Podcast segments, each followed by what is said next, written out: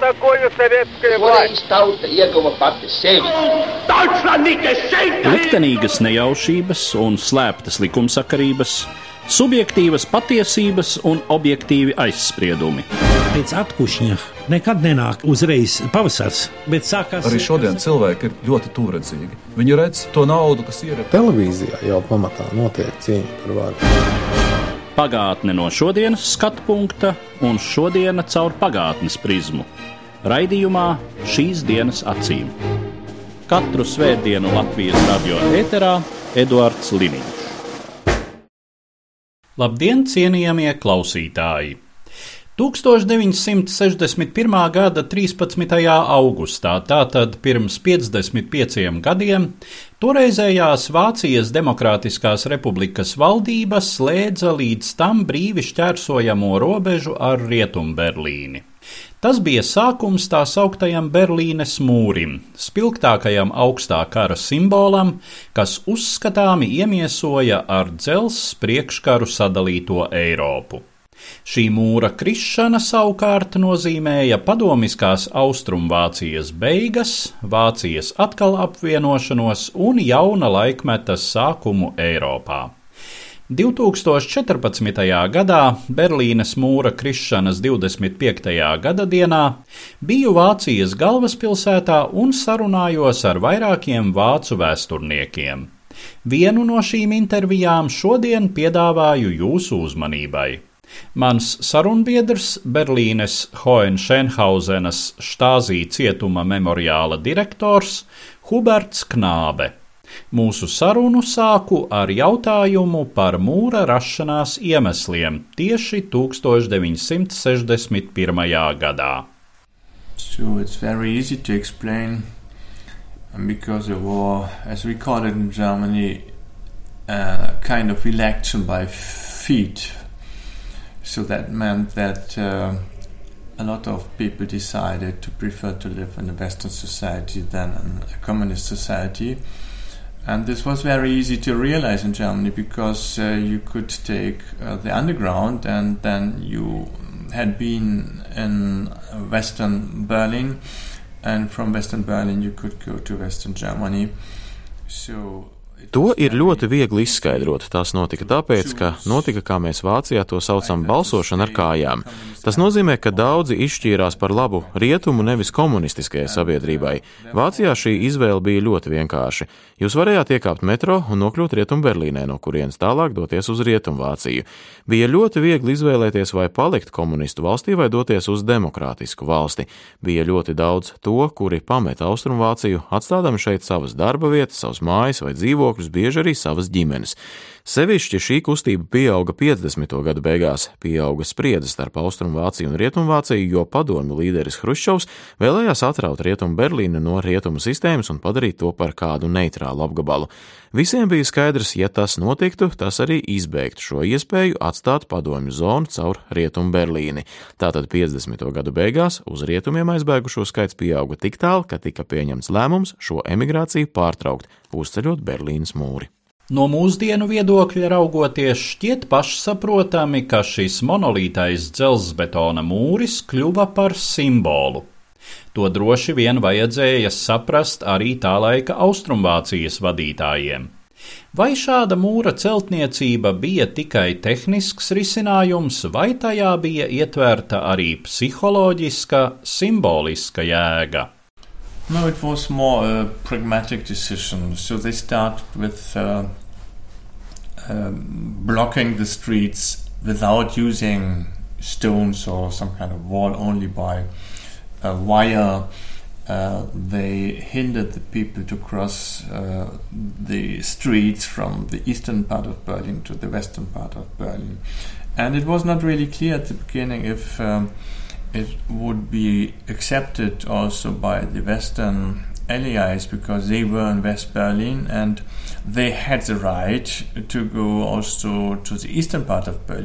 Tas drīzāk bija pragmatisks risinājums. Sākotnēji jau netika celtas mūra sienas. Ielas, kuras veda no Austrumberlīnas uz Rietumberlīni, vienkārši tika bloķētas lietojot dzeloņu stiepļu aizsprostus.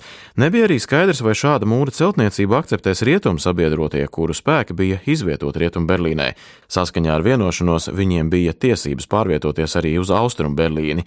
Teorētiski viņi varēja ar tankiem vienkārši pārbraukt šiem aizsprostiem pāri, tomēr tā nenotika. Viņi savā ziņā akceptēja šo Berlīnas sadalīšanu. Dzeloņdrāšu aizžogojumi palika savā vietā, tad pēc kāda laika Austrumvācijas vadītāji sāka būvēt jau fundamentālākus mūra norobežojumus. Šī laika runās parādījās izteicieni par to, ka akmeni pēc akmens mēs ceļam šo mūri. Savas pastāvēšanas laikā mūris piedzīvoja diezgan biežas pārmaiņas, jo komunistu vadība centās to padarīt arvien efektīvāku, arvien modernāku, tāpēc savas pastāvēšanas beigās tā bija betona konstrukcija ar īpašiem stiprinājuma elementiem, lai to nevarētu caursist pat ar smago automašīnu. Faktiski jau bija pat divi mūri, kas sadalīja Berlīni. Viens gar robežas austrumu malu, otrs gar rietumu. Pa vidu bija izveidota ļoti izvērsta drošības sistēma - signalizācijas, stieples, barjeras, kameras. Tā nebija tikai siena, tas bija robežas režīms, kas pakāpeniski pilnveidojās un pastāvēja arī plāni tālākai modernizācijai līdz 2000. gadam projektu tā arī nosauca - Mūris 2000. Kā bija ar mūra pārvarēšanas mēģinājumiem? Pastāstiet lūdzu vairāk par sekmīgiem mūra šķērsošanas gadījumiem un arī tiem, kuri gāja bojā mēģinot tikt pāri mūrim. Yeah, at the beginning, people tried to cross over these very um, uh, provisoric uh, barriers. Um, it was not so difficult at the beginning, for example, to jump out of your window in your house and uh, landing on the western sidewalks. That was uh, done in this time. Uh, some people were seriously injured already because of that. Some people died also. Sākotnēji cilvēki mēģināja šķērsot šīs ļoti provizoriskās barjeras. Sākumā tas nebija grūti, piemēram, dažviet bija iespēja izkāpt pat dzīvokļu logu un nolaisties rietumpusē. Daži cilvēki gan šādos mēģinājumos nopietni savainojās, daži pat zaudēja dzīvību. Citi mēģināja izkļūt uz rietumpusi pa pazemi, kur bija pazemes kanāli, metro līnijas, tāpēc pēc dažām nedēļām un mēnešiem Austrumvācijas komunistu valdība sāka būvēt sava veida mūri arī pazemē. Piemēram, pazemes kanālos iebūvēja tērauda šķērsstieņus, tad cilvēki sāka rakt slepenus pazemes tuneļus. Austrumvācu slepena policija sāka izsekot šādas darbības robežas tūmā, tika piesaistīti daudzi informatori, sevišķi studentu vidē, jo tieši studenti visbiežāk raka šādus tuneļus. Daudzi tika arestēti, atlaisti no darba, šādas aktivitātes kļuva pārāk bīstamas un apsīka. Protams, bija daži, kuri mēģināja šķērsot robežu arī tad, kad tas jau bija ļoti grūti izdarāms. Vairāk nekā simts cilvēku šādos mēģinājumos tika nogalināti, daudz vairāk bija arestēto, jo slepeni policijai bija ļoti izsmalcināta izsakošanas sistēma. Valsts drošības ministrs vienmēr uzsvēra: mums ir jāzina, kas ir kas. Mums jāzina par to, kas tiek plānots. Apmēram 70 tūkstoši cilvēku visā mūra pastāvēšanas laikā tika arestēti par vēlmi pamest Austrumvāciju.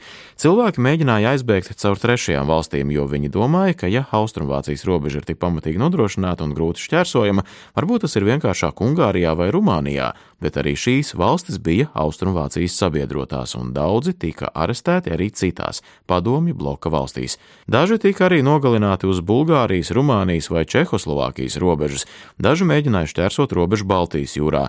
Tur nekādas sienas nebija, šķita ļoti viegli šķērsot robežu mazā laiviņā vai pat peldus, kā daži mēģināja. Tomēr arī šī robeža tika ļoti, pat ļoti intensīvi novērota. Daudz gāja bojā šādos mēģinājumos. Pēdējos Austrumvācijas pastāvēšanas gados šo valsti nelegāli pamest bija pat ārkārtīgi grūti. Kāds bija potenciālais sots neveiksmīgajiem mēģinātājiem? So it was called the unlawful crossing of the border, something like that. And uh, people had been arrested, they had been uh, interrogated by the secret police, by the Stasi, and then they had been sentenced um, Um, Pants saucās par nelegālu robežas šķērsošanu. Cilvēkus arestēja, viņus pratināja slepena policija Štazī, pēc tam tika tiesāti. Sodu vardzība bija nedaudz atkarīga no laika posma. 60. gados Austrumvācijas valdība iesāka pārdot savus politieslodzītos uz rietumiem. Rietumvācija izpirka šos notiesātos, un tas bija labs bizness. Šodienas naudas izteiksmē tas ienes Austrumvācijai kopumā apmēram pusotru miljardu eiro. Vai izpirka tikai prominentus disidentus, vai arī jebkuru, kas bija mēģinājis izkļūt uz rietumiem? No, not only for prominent persons. It, it was uh, at the beginning. It started with only a few political prisoners who had been in prison already very long time. So human reasons were uh, the main important uh, point. But after a while, um, the German government uh, realized that it's really a good business and that they could earn a lot of money, and they sold uh, more than uh, 30,000 uh, political prisoners. Nē, ne tikai prominences. Tas iesākās ar dažiem politieslodzītajiem, kuri jau ļoti ilgu laiku atradās cietumā. Noteicošie bija humānisma motīvi. Pēc kāda laika Austrumvācijas valdība aptvēra, ka tā var labi pelnīt, un vairāk nekā 30 tūkstoši politieslodzīto šādi tika pārdot uz rietumiem. Un daudzi no viņiem bija vienkārši mēģinājuši izkļūt uz Rietumvāciju, par ko saņēmuši vienu līdz trīs gadu ilgu cietumsodu kas Austrumvācijā mainījās 80. gadu beigās. Mēs atceramies, ka Ērihs Honekers vēl 1989. gada sākumā deklarēja, ka mūris stāvēs vēl 50, varbūt pat 100 gadus. Yeah, the situation in East Germany uh, was uh, really depending very much on the Soviet occupation forces. Uh, so the Soviets came to Germany, they occupied the eastern part of Germany, and they installed a communist regime. And um, it was completely depending on this military force because this communist regime was never accepted by the majority of the people. There were no free elections. Uh, Situāciju Austrumvācijā ļoti lielā mērā noteica padomju okupācijas spēku klātbūtne. Padomju Savienība bija okupējusi Vācijas austrumdaļu un izveidojusi šeit komunistu režīmu. Šis režīms bija pilnībā atkarīgs no šiem militāriem spēkiem, jo tautas vairākums to nekad nebija pieņēmis. Nebija notikušas brīvas vēlēšanas. 1953. gadā notika liela sacelšanās, kuru padomju tanki apspieda, un cilvēki savā ziņā zaudēja cerību kaut ko mainīt. Tas, kas 80. gadu beigās mainījās, bija padomju līderu nostāja. PSRS pateica, ka, lai kas arī nenotiktu padomju bloka valstīs, tas jāatrisina pašām šīm valstīm, un padomju savienība vairs neiejauksies. Austrumvācijas vadībai tās bija reālas briesmas. Otrakārt, padomju savienība, tā sauktā sociālisma dzimtene, mēģināja liberalizēties un uzsāka reformas, deva brīvību masu mēdījiem. Austrumvācijai tā bija ļoti savāda situācija, jo līdz šim oficiālais lozungs bija apmēram tāds: Mācīties no Padomju Savienības nozīmē mācīties uzvarēt. Pat partijas biedri sāka diskutēt par Padomju Savienībā notiekošo un jautāja, vai tad mums tagad nav jāsako PSRS piemēram, kā mēs to esam darījuši pēdējos 40 gadus. Vadībai tā bija ļoti grūti atrisināma problēma, kas VDR pastāvēšanas beigās bija šo vadību ļoti novājinājusi. Otrs aspekts bija tas, ka Austrumvācijas ekonomika bija ļoti sliktā stāvoklī. Bija milzīgs ārējais parāds, kuru nevarēja atmaksāt bez palīdzības no rietumiem, sevišķi Rietumvācijas. Tas nozīmē, ka viņiem vairs nebija rīcības brīvības, piemēram, viņi nevarēja atļauties nogalināt, lai demonstrētu savu varu, kā tas tai pašā 1989. gadā tika izdarīts Ķīnā. Viņiem nācās uzmanīties, lai saglabātu labas attiecības ar rietumiem. Viņiem bija zināmā mērā sasietas rokas brīdī, kad Austrumvācijas iedzīvotāji sāka protestēt, organizēt demonstrācijas. Viņi vairs nevarēja rīkoties, kā bija pieraduši, un tas padarīja visu sistēmu ļoti nedrošu. Funkcionāri nebija droši par to, kas notiks tālāk. Diktatūrai tas alaži ir ļoti bīstami. Ja tā zaudē pārliecību par turpmāko un sāka domāt, ka varbūt labāk būtu atkāpties, viss beidzās ar partijas vadības maiņu un mēģinājumu sekot padomu Padomju Savienības pārmaiņu pēdās, taču masu demonstrāciju process kļuva tikai vēl spēcīgāks un galu galā noveda pie brīvām vēlēšanām tikai piecus mēnešus pēc 89. gada oktobra notikumiem. Runājot par Berlīnes mūra krišanu 1989. gada 9. novembrī, tajā bija arī savs nejaušības moments. Tās dienas rītā neviens vēl nezināja, ko nesīs vakars. No, the problem was that um, there were a lot of refugees in the Czech Republic and also in Hungary because uh, East Germans knew it is easier to leave the Soviet blocs through these two countries and it was easy to go there. Um, Tobrīd bija ļoti samilzusi problēma ar Austrumvācijas bēgļiem Čehoslovākijā un Ungārijā. Tur nebija grūti nokļūt, un austrumvācieši zināja, ka caur šīm divām valstīm ir vienkāršāk pamest padomi bloku. Bet tad šo valstu valdības paziņoja, ka nevēlas risināt Austrumvācijas problēmas, ka tai pašai ir jāmeklē risinājums bēgļu problēmai. Viņi paziņoja, ka ļaus austrumvāciešiem doties uz Rietumvāciju, neprasot nekādu izceļošanas atļauju no VDR valdības, kā tas bija darīts pēdējos 40 40 gadus. Tad Austrumvācu valdība pieņēma lēmumu ļaut saviem pilsoņiem brīvi izceļot uz Rietumvāciju, lai apturētu šo bēgļu plūsmu uz tās augtajām brālīgajām valstīm. Bet tad radās jautājums, ja jau mēs ļaujam izceļot uz rietumiem tiem, kuri ir pret mūsu sociālistisko kursu, ir savā ziņā pret sociālismu, tad ir netaisnīgi to liekt tiem, kuri joprojām mūs atbalsta. Tāpēc tika pieņemts lēmums ar likumu noteikt, ka valsti var atstāt jebkurš, Nevien mūsu ienaidnieki, bet arī mūsu draugi. Protams, nebija runa par pilnīgi brīvu robežas šķērsošanu. Tam bija jānotiek saņemot varas iestāžu atļauju, pieprasot vīzu un tad ceļojot uz rietumiem un cerams atgriežoties atpakaļ. Tāds bija plāns, bet kad slavenajā preses konferencē 9. novembrī šo jauno noteikumu pieņemšana tika izsludināta, teiktais tika pārprasts pirmām kārtām jau no mēdīju puses. Prese paziņoja, ka robeža būs atvērta ikvienam, cilvēki masveidīgi devās uz robežu, kuru joprojām bija slēgta un paziņoja, ka televīzijā ir ziņots, robeža esot atvērta. Galu galā pūļu spiediens robežpunktos bija tik liels, ka viņi nolēma atvērt robežu, bet tāds nekādā ziņā nebija Austrumvācijas valdības plāns. No mūsdienu viedokļa tas šķiet pašsaprotami. Mūra krišana nozīmēja padomju sistēmas sabrukumu. Tomēr tas bija zināms process. Kā notikumi attīstījās tālāk? Yeah, after the opening of the wall, and then a little bit later also of the inner German border. Um, there was no pressure anymore on the East German population uh, to stay in East Germany and to accept the political system. So um, the decision was very easy for everybody uh, to take. Uh, the system could change or if the system doesn't change, then uh. Berlīnas mūra robežas un nedaudz vēlāk arī citu Austrumvācijas robežu punktu atvēršana nozīmē to, ka vairs nebija sprosta, kas Austrumvācijas iedzīvotājs turēja savas valsts robežās, un līdz ar to nevarēja arī vairs viņus piespiest akceptēt politisko sistēmu. Izšķiršanās iedzīvotājiem bija kļuvusi ļoti vienkārša. Politiskajai sistēmai ir jāmainās, vai arī, ja tā negribētu mainīties, tad mēs mainīsim savu dzīvesvietu uz tādu, kur ir cita sistēma. Komunistu sistēma tobrīd bija pilnīgi zaudējusi, cilvēkiem vairs nebija nekāda iemesla to pieņemt, pieņemt komunistiskās partijas vadošo lomu, pieņemt visas režīma ierobežojošās struktūras, spiediens bija ārkārtīgi spēcīgs divējādā ziņā. Pirmkārt, austrumvācieši vairs nebaidījās, un demonstrācijas kļuva arvien plašākas. Otrakārt, viņi varēja jebkurā brīdī masveidīgi doties uz rietumiem.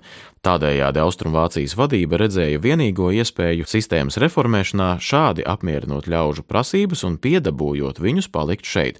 Masu mēdīji kļuva daudz liberālāki. Decembrī no Austrumvācijas konstitūcijas tika svītrots pants par komunistiskās partijas vadošo lomu.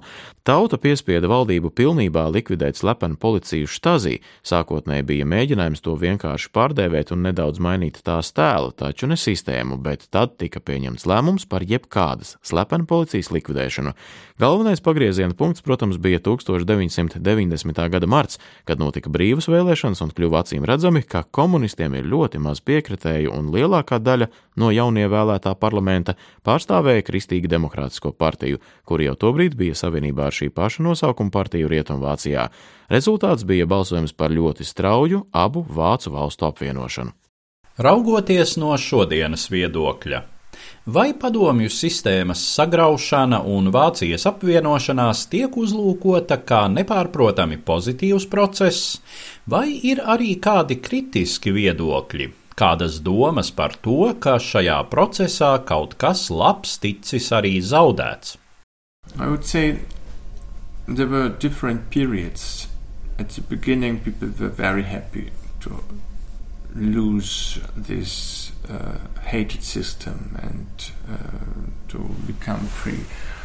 Then, after some time, uh, they saw that having freedom is uh, not a paradise. It's even more difficult than to live uh, in a system where everything is organized by the state.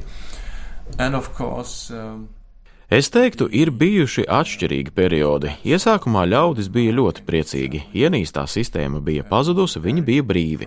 Tad pēc kāda laika viņi redzēja, ka brīvība nav paradīze, ka dzīve brīvā sabiedrībā var būt pat sarežģītāka nekā valsts organizētā sistēmā. Rietumvācijas markas ieviešana Austrumvācijā bija ļoti liela problēma. Atklājās, ka gandrīz visas Austrumvācu rūpnīcas ir ar ļoti zemu produktivitāti, ļoti neefektīvas un vienkārši nespēja nopelnīt pietiekami daudz marku, lai samaksātu saviem strādniekiem pieņemamas algas. Neviens vairs negribēja pirkt šo uzņēmumu produkciju. Kurš vairs gribēja, piemēram, trabantu? Neviens. Vairums šo uzņēmumu bankrotēja, daudzi zaudēja darbu. Tas izraisīja lielu nedrošību par nākotni un tātad arvien lielāku neapmierinātību.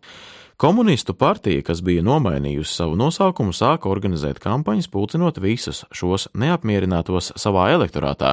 Tas bija nedaudz dīvaini. Partija, kura faktiski bija šo problēmu cēlonis, tagad pārstāvēja tos, kuri no šīm problēmām cieta. Bija tāds periods, kad šī partija strauji pieņēmās spēkā, un arī viss sabiedriskais diskurs bija diezgan kritisks par situāciju pēc padomju sistēmas sabrukuma. Visai izplatīta kļuva zināma nostalģija pēc agrākajiem laikiem, sevišķi vecākajā paudzē, Austrumvācijā. Tā ka mums te bija, es teiktu, tādi diezgan savādi laiki, jo cilvēki īsti neredzēja to, cik laimīgi viņi patiesībā ir, ka tikuši vaļā no šīs sistēmas bez asins izliešanas ļoti mierīgā veidā. Tas, ka padomju karavīri pameta Austrumvāciju bez neviena šāviena, tā patiešām bija vēstures dāvana. Manuprāt, apziņa par to, ko cilvēki patiesībā ir ieguvuši līdz ar komunistu varas sistēmas sabrukumu, veidojas tikai tagad, 25 gadus pēc režīma beigām. Cilvēki redz vairāk ieguvumu, ekonomiskā situācija Vācijā ir samērā laba, arī ja salīdzinām ar citām rietumu demokrātijām - Franciju, Lielbritāniju, Itāliju, Spāniju, ir mainījusies mentalitāte, ir uzaugusi jauna paudze, kura mācās dažādu valstu augstskolās, runā dažādās svešvalodās. Vācija ir kļuvusi daudz atvērtāka pasaulē, un cilvēki Austrumvācijā patiešām ir pie šīs situācijas pieraduši. Protams, ne jau visi. Ir dažādi marģināļi, tādi, kas tā arī nekad nav pieņēmuši šo atvērtāko, demokrātisko, bet arī atbildīgāko sabiedrību un dzīvesveidu, bet pat viņi tagad pavada brīvdienas Maljorkā, ja pavērojam aptauju datus, tikai ļoti maza daļa cilvēku vēlas kaut atgrieztos vecie laiki. Lūkojoties uz mūsdienu Austrumēropu, mēs redzam zināmas kustības drūmās pagātnes virzienā. Sevišķi pēdējo gadu Krievijas politika liek par to domāt. Kā jums šķiet, vai ir iespējama kāda dzelzs priekškara Berlīnes mūra situācijas atgriešanās Eiropā? So the Iron Curtain had obviously the goal to hinder people to leave the communist uh, regime and um, I think, of course, everything is imaginable. Uh, a lot of people are leaving Russia. The younger people, the better educated people are leaving Russia because they also want to live in freedom. So, probably one day Dzelzs priekškara uzdevums nepārprotami bija atturēt cilvēkus no mēģinājumiem atstāt komunistu režīmu. Protams, jebko jau var iztēloties. Daudzi šobrīd pamet Krieviju, jauni, izglītoti cilvēki brauc projām, jo vēlas dzīvot brīvībā. Var jau būt, ka kādu dienu Krievija ieviesīs kādus līdzīgus pasākumus, bet pagaidām tas nav bijis nepieciešams, jo rietumvalstīm pašām ir noteiktas barjeras pret migrāciju no Krievijas. Tādējādi šī emigrācijas plūsma nav tik liela, kāda tā potenciāli būtu bijusi komunistu laikos ja nebūtu pastāvējušas slēgtās robežas. Tomēr spriedze ir samērā liela, un es domāju, ka mums ir jāatvadās no dažām ilūzijām. Mums šķita, ka mēs varam dzīvot ar visiem mierā un draudzībā, ka mums pat vairs nav vajadzīga armija. Piemēram, Bundesvērs pēdējos 20 gados ir zaudējis ļoti lielu daļu sava personāla sastāva. Tā ir kļuvusi par ļoti mazu armiju tik lielai valstī. Tas, es domāju, mainīsies. Doma par kādas vienotas Eiropas būvniecību, kurā ietilpt arī Krievija, vairs nav realistiska, ja vien Krievijā pie varas nenāk jauni spēki, kas sāks citu politiku, kas arī ir maz ticams. Ticams ir tieši pretējais - nevalstiskās organizācijas tiks vēl vairāk apspiestas, mediji joprojām tiks strikti kontrolēti, un tas viss arvien vairāk atgādina padomju laikus. Tāpēc mums ir jāpieņem, ka nākotnē Krievija nebūs mums partneris, nebūs draugs Eiropai.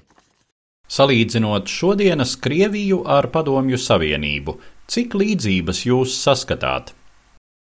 Yeah, I wouldn't call it Soviet system um, because the communist element element is not important anymore. So the ideology of constructing some kind of future, better future, it's more a nationalistic uh, and an authoritarian uh, system. Um, Es to nesauktu par padomju sistēmu, jo komunisma elements ir zaudējis savu nozīmi. Nav vairs šīs labākās nākotnes būvniecības ideoloģijas, tā ir vairāk nacionālistiska un autoritāra sistēma. Līdzīgas sistēmas pastāv arī citās valstīs, un šīm autoritārajām sistēmām komunistiskā ideoloģija vairs nav vajadzīga. Pat Ķīnā komunisms ir zaudējis savu nozīmi. Svars ir varai un naudai, un tas ir visai līdzīgi arī Krievijā. Un visbeidzot, kāds jums personiski bija 1989. gada 9. novembris, Berlīnes mūra krišanas diena? So my parents escaped from East Berlin to West Germany um, before the wall was uh, built up, and uh, I was growing up in the West. But I moved to West Berlin um, one year before the wall came down. And I still experience the time when Berlin was divided, and I uh, suffered probably Mani vecāki izbēga no austrumu Berlīnas uz rietumiem pirms vēl Berlīnas mūris tika uzcelts, un es uzaugu rietumos, taču gadu pirms mūra krišanas es pārcēlos uz rietumu Berlīni. Tādējādi es vēl pieredzēju laiku, kad Berlīna bija sadalīta un domājams pacietu lielākas nērtības nekā citi rietumu berlīnieši, jo man, pateicoties manai pret komunistu režīmu vērstajai darbībai, nebija atļauts iebraukt Austrumvācijā. Tā nu es izrādījos savā ziņā ieslodzīts rietumu Berlīnē. Es, piemēram, nevarēju brīvdienās vai nedēļas nogalē izbraukt uz mežu, jo mežs bija aiz mūra. 9. novembrī, protams, sekoja visām ziņām televīzijā. Mēs parasti skatījāmies vispirms kādu rietumu kanālu, tad austrumu kanālu, tad atkal rietumu kanālu. Es redzēju to savādo sižetu par zināmo preses konferenci un patiesību sakot nesapratu, ko tas viss nozīmē. Tad nu es devos gulēt, bet pēc pusnakts kāds piezvanīja pie durvīm. Es domāju, ka tie ir kādi pļēguri, bet otrā rītā izrādījās, ka tie bijuši mani draugi no Austrumu Berlīnas, kurus es aizlieguma dēļ nebiju varējis apciemot un kuri tagad mēģināja apciemot mani. Es viņiem, diemžēl, neatvēru. Otrā rītā es devos uz robežpunktu, kur man tik bieži bija atteikta ielaišana, un redzēju, ka robežsargs tur stāv, nemēģinādams kādu pārbaudīt. Es biju vienīgais, kurš devās no rietumiem uz austrumiem, ļaužu masas plūda pretējā virzienā. Tā bija tāda savāda izjūta, bet es biju ļoti priecīgs, ka man tagad ir ļauts brīvi pārvietoties un apskatīt šo Berlīnes daļu, kuru man tik ilgi bija liekts apmeklēt. Man tā bija aizliegtā zeme, aizliegtā pilsēta, tāpēc es biju entuziasma pārpilns. Man sieva bija apmeklējusi Austrum Berlīnē lielu demonstrāciju piecas dienas pirms mūra krišanas un jau tika man stāstījusi, ka viss ļoti mainoties. Cilvēki kļuvuši gluži citādi, viņi smaida, viņi ir priecīgi. Pat komunistu puses restorāna oficianti, tie, kas ir pieredzējuši padomju sistēmu, zina, kā uzvedās padomju restorāna oficianti. Viņi un nevis klients tur bija kungi, un pat šie bija kļuvuši draudzīgi un smaidīgi. Visa atmosfēra bija pilnīgi izmainījusies, arī es to izjūtu, kad tur ierados. Tā bija ļoti īpaša pieredze ikvienam, kurš toreiz dzīvoja Berlīnē, un šodien es reizēm domāju, es esmu laimīgs, ka toreiz biju klāt tajos notikumos, un cik gan garlaicīgi ir dzīvot šodien kad šādas pieredzes mums vienkārši nav. For everybody who lived in Berlin in this time, and sometimes I'm thinking, I can be very happy that I attended these uh, events and uh, how boring it must be to live nowadays without these uh, experiences. Uh, it was a very special situation for everybody who lived in Berlin this time. Šī bija saruna par Berlīnes mūri, kopš kura pirmsākumiem šogad paiet 55 gadi. Mans sarunbiedrs, Berlīnes Hohenšenhausenas štāzī cietuma memoriāla direktors Huberts Knābe. Uzredzēšanos cienījamie klausītāji!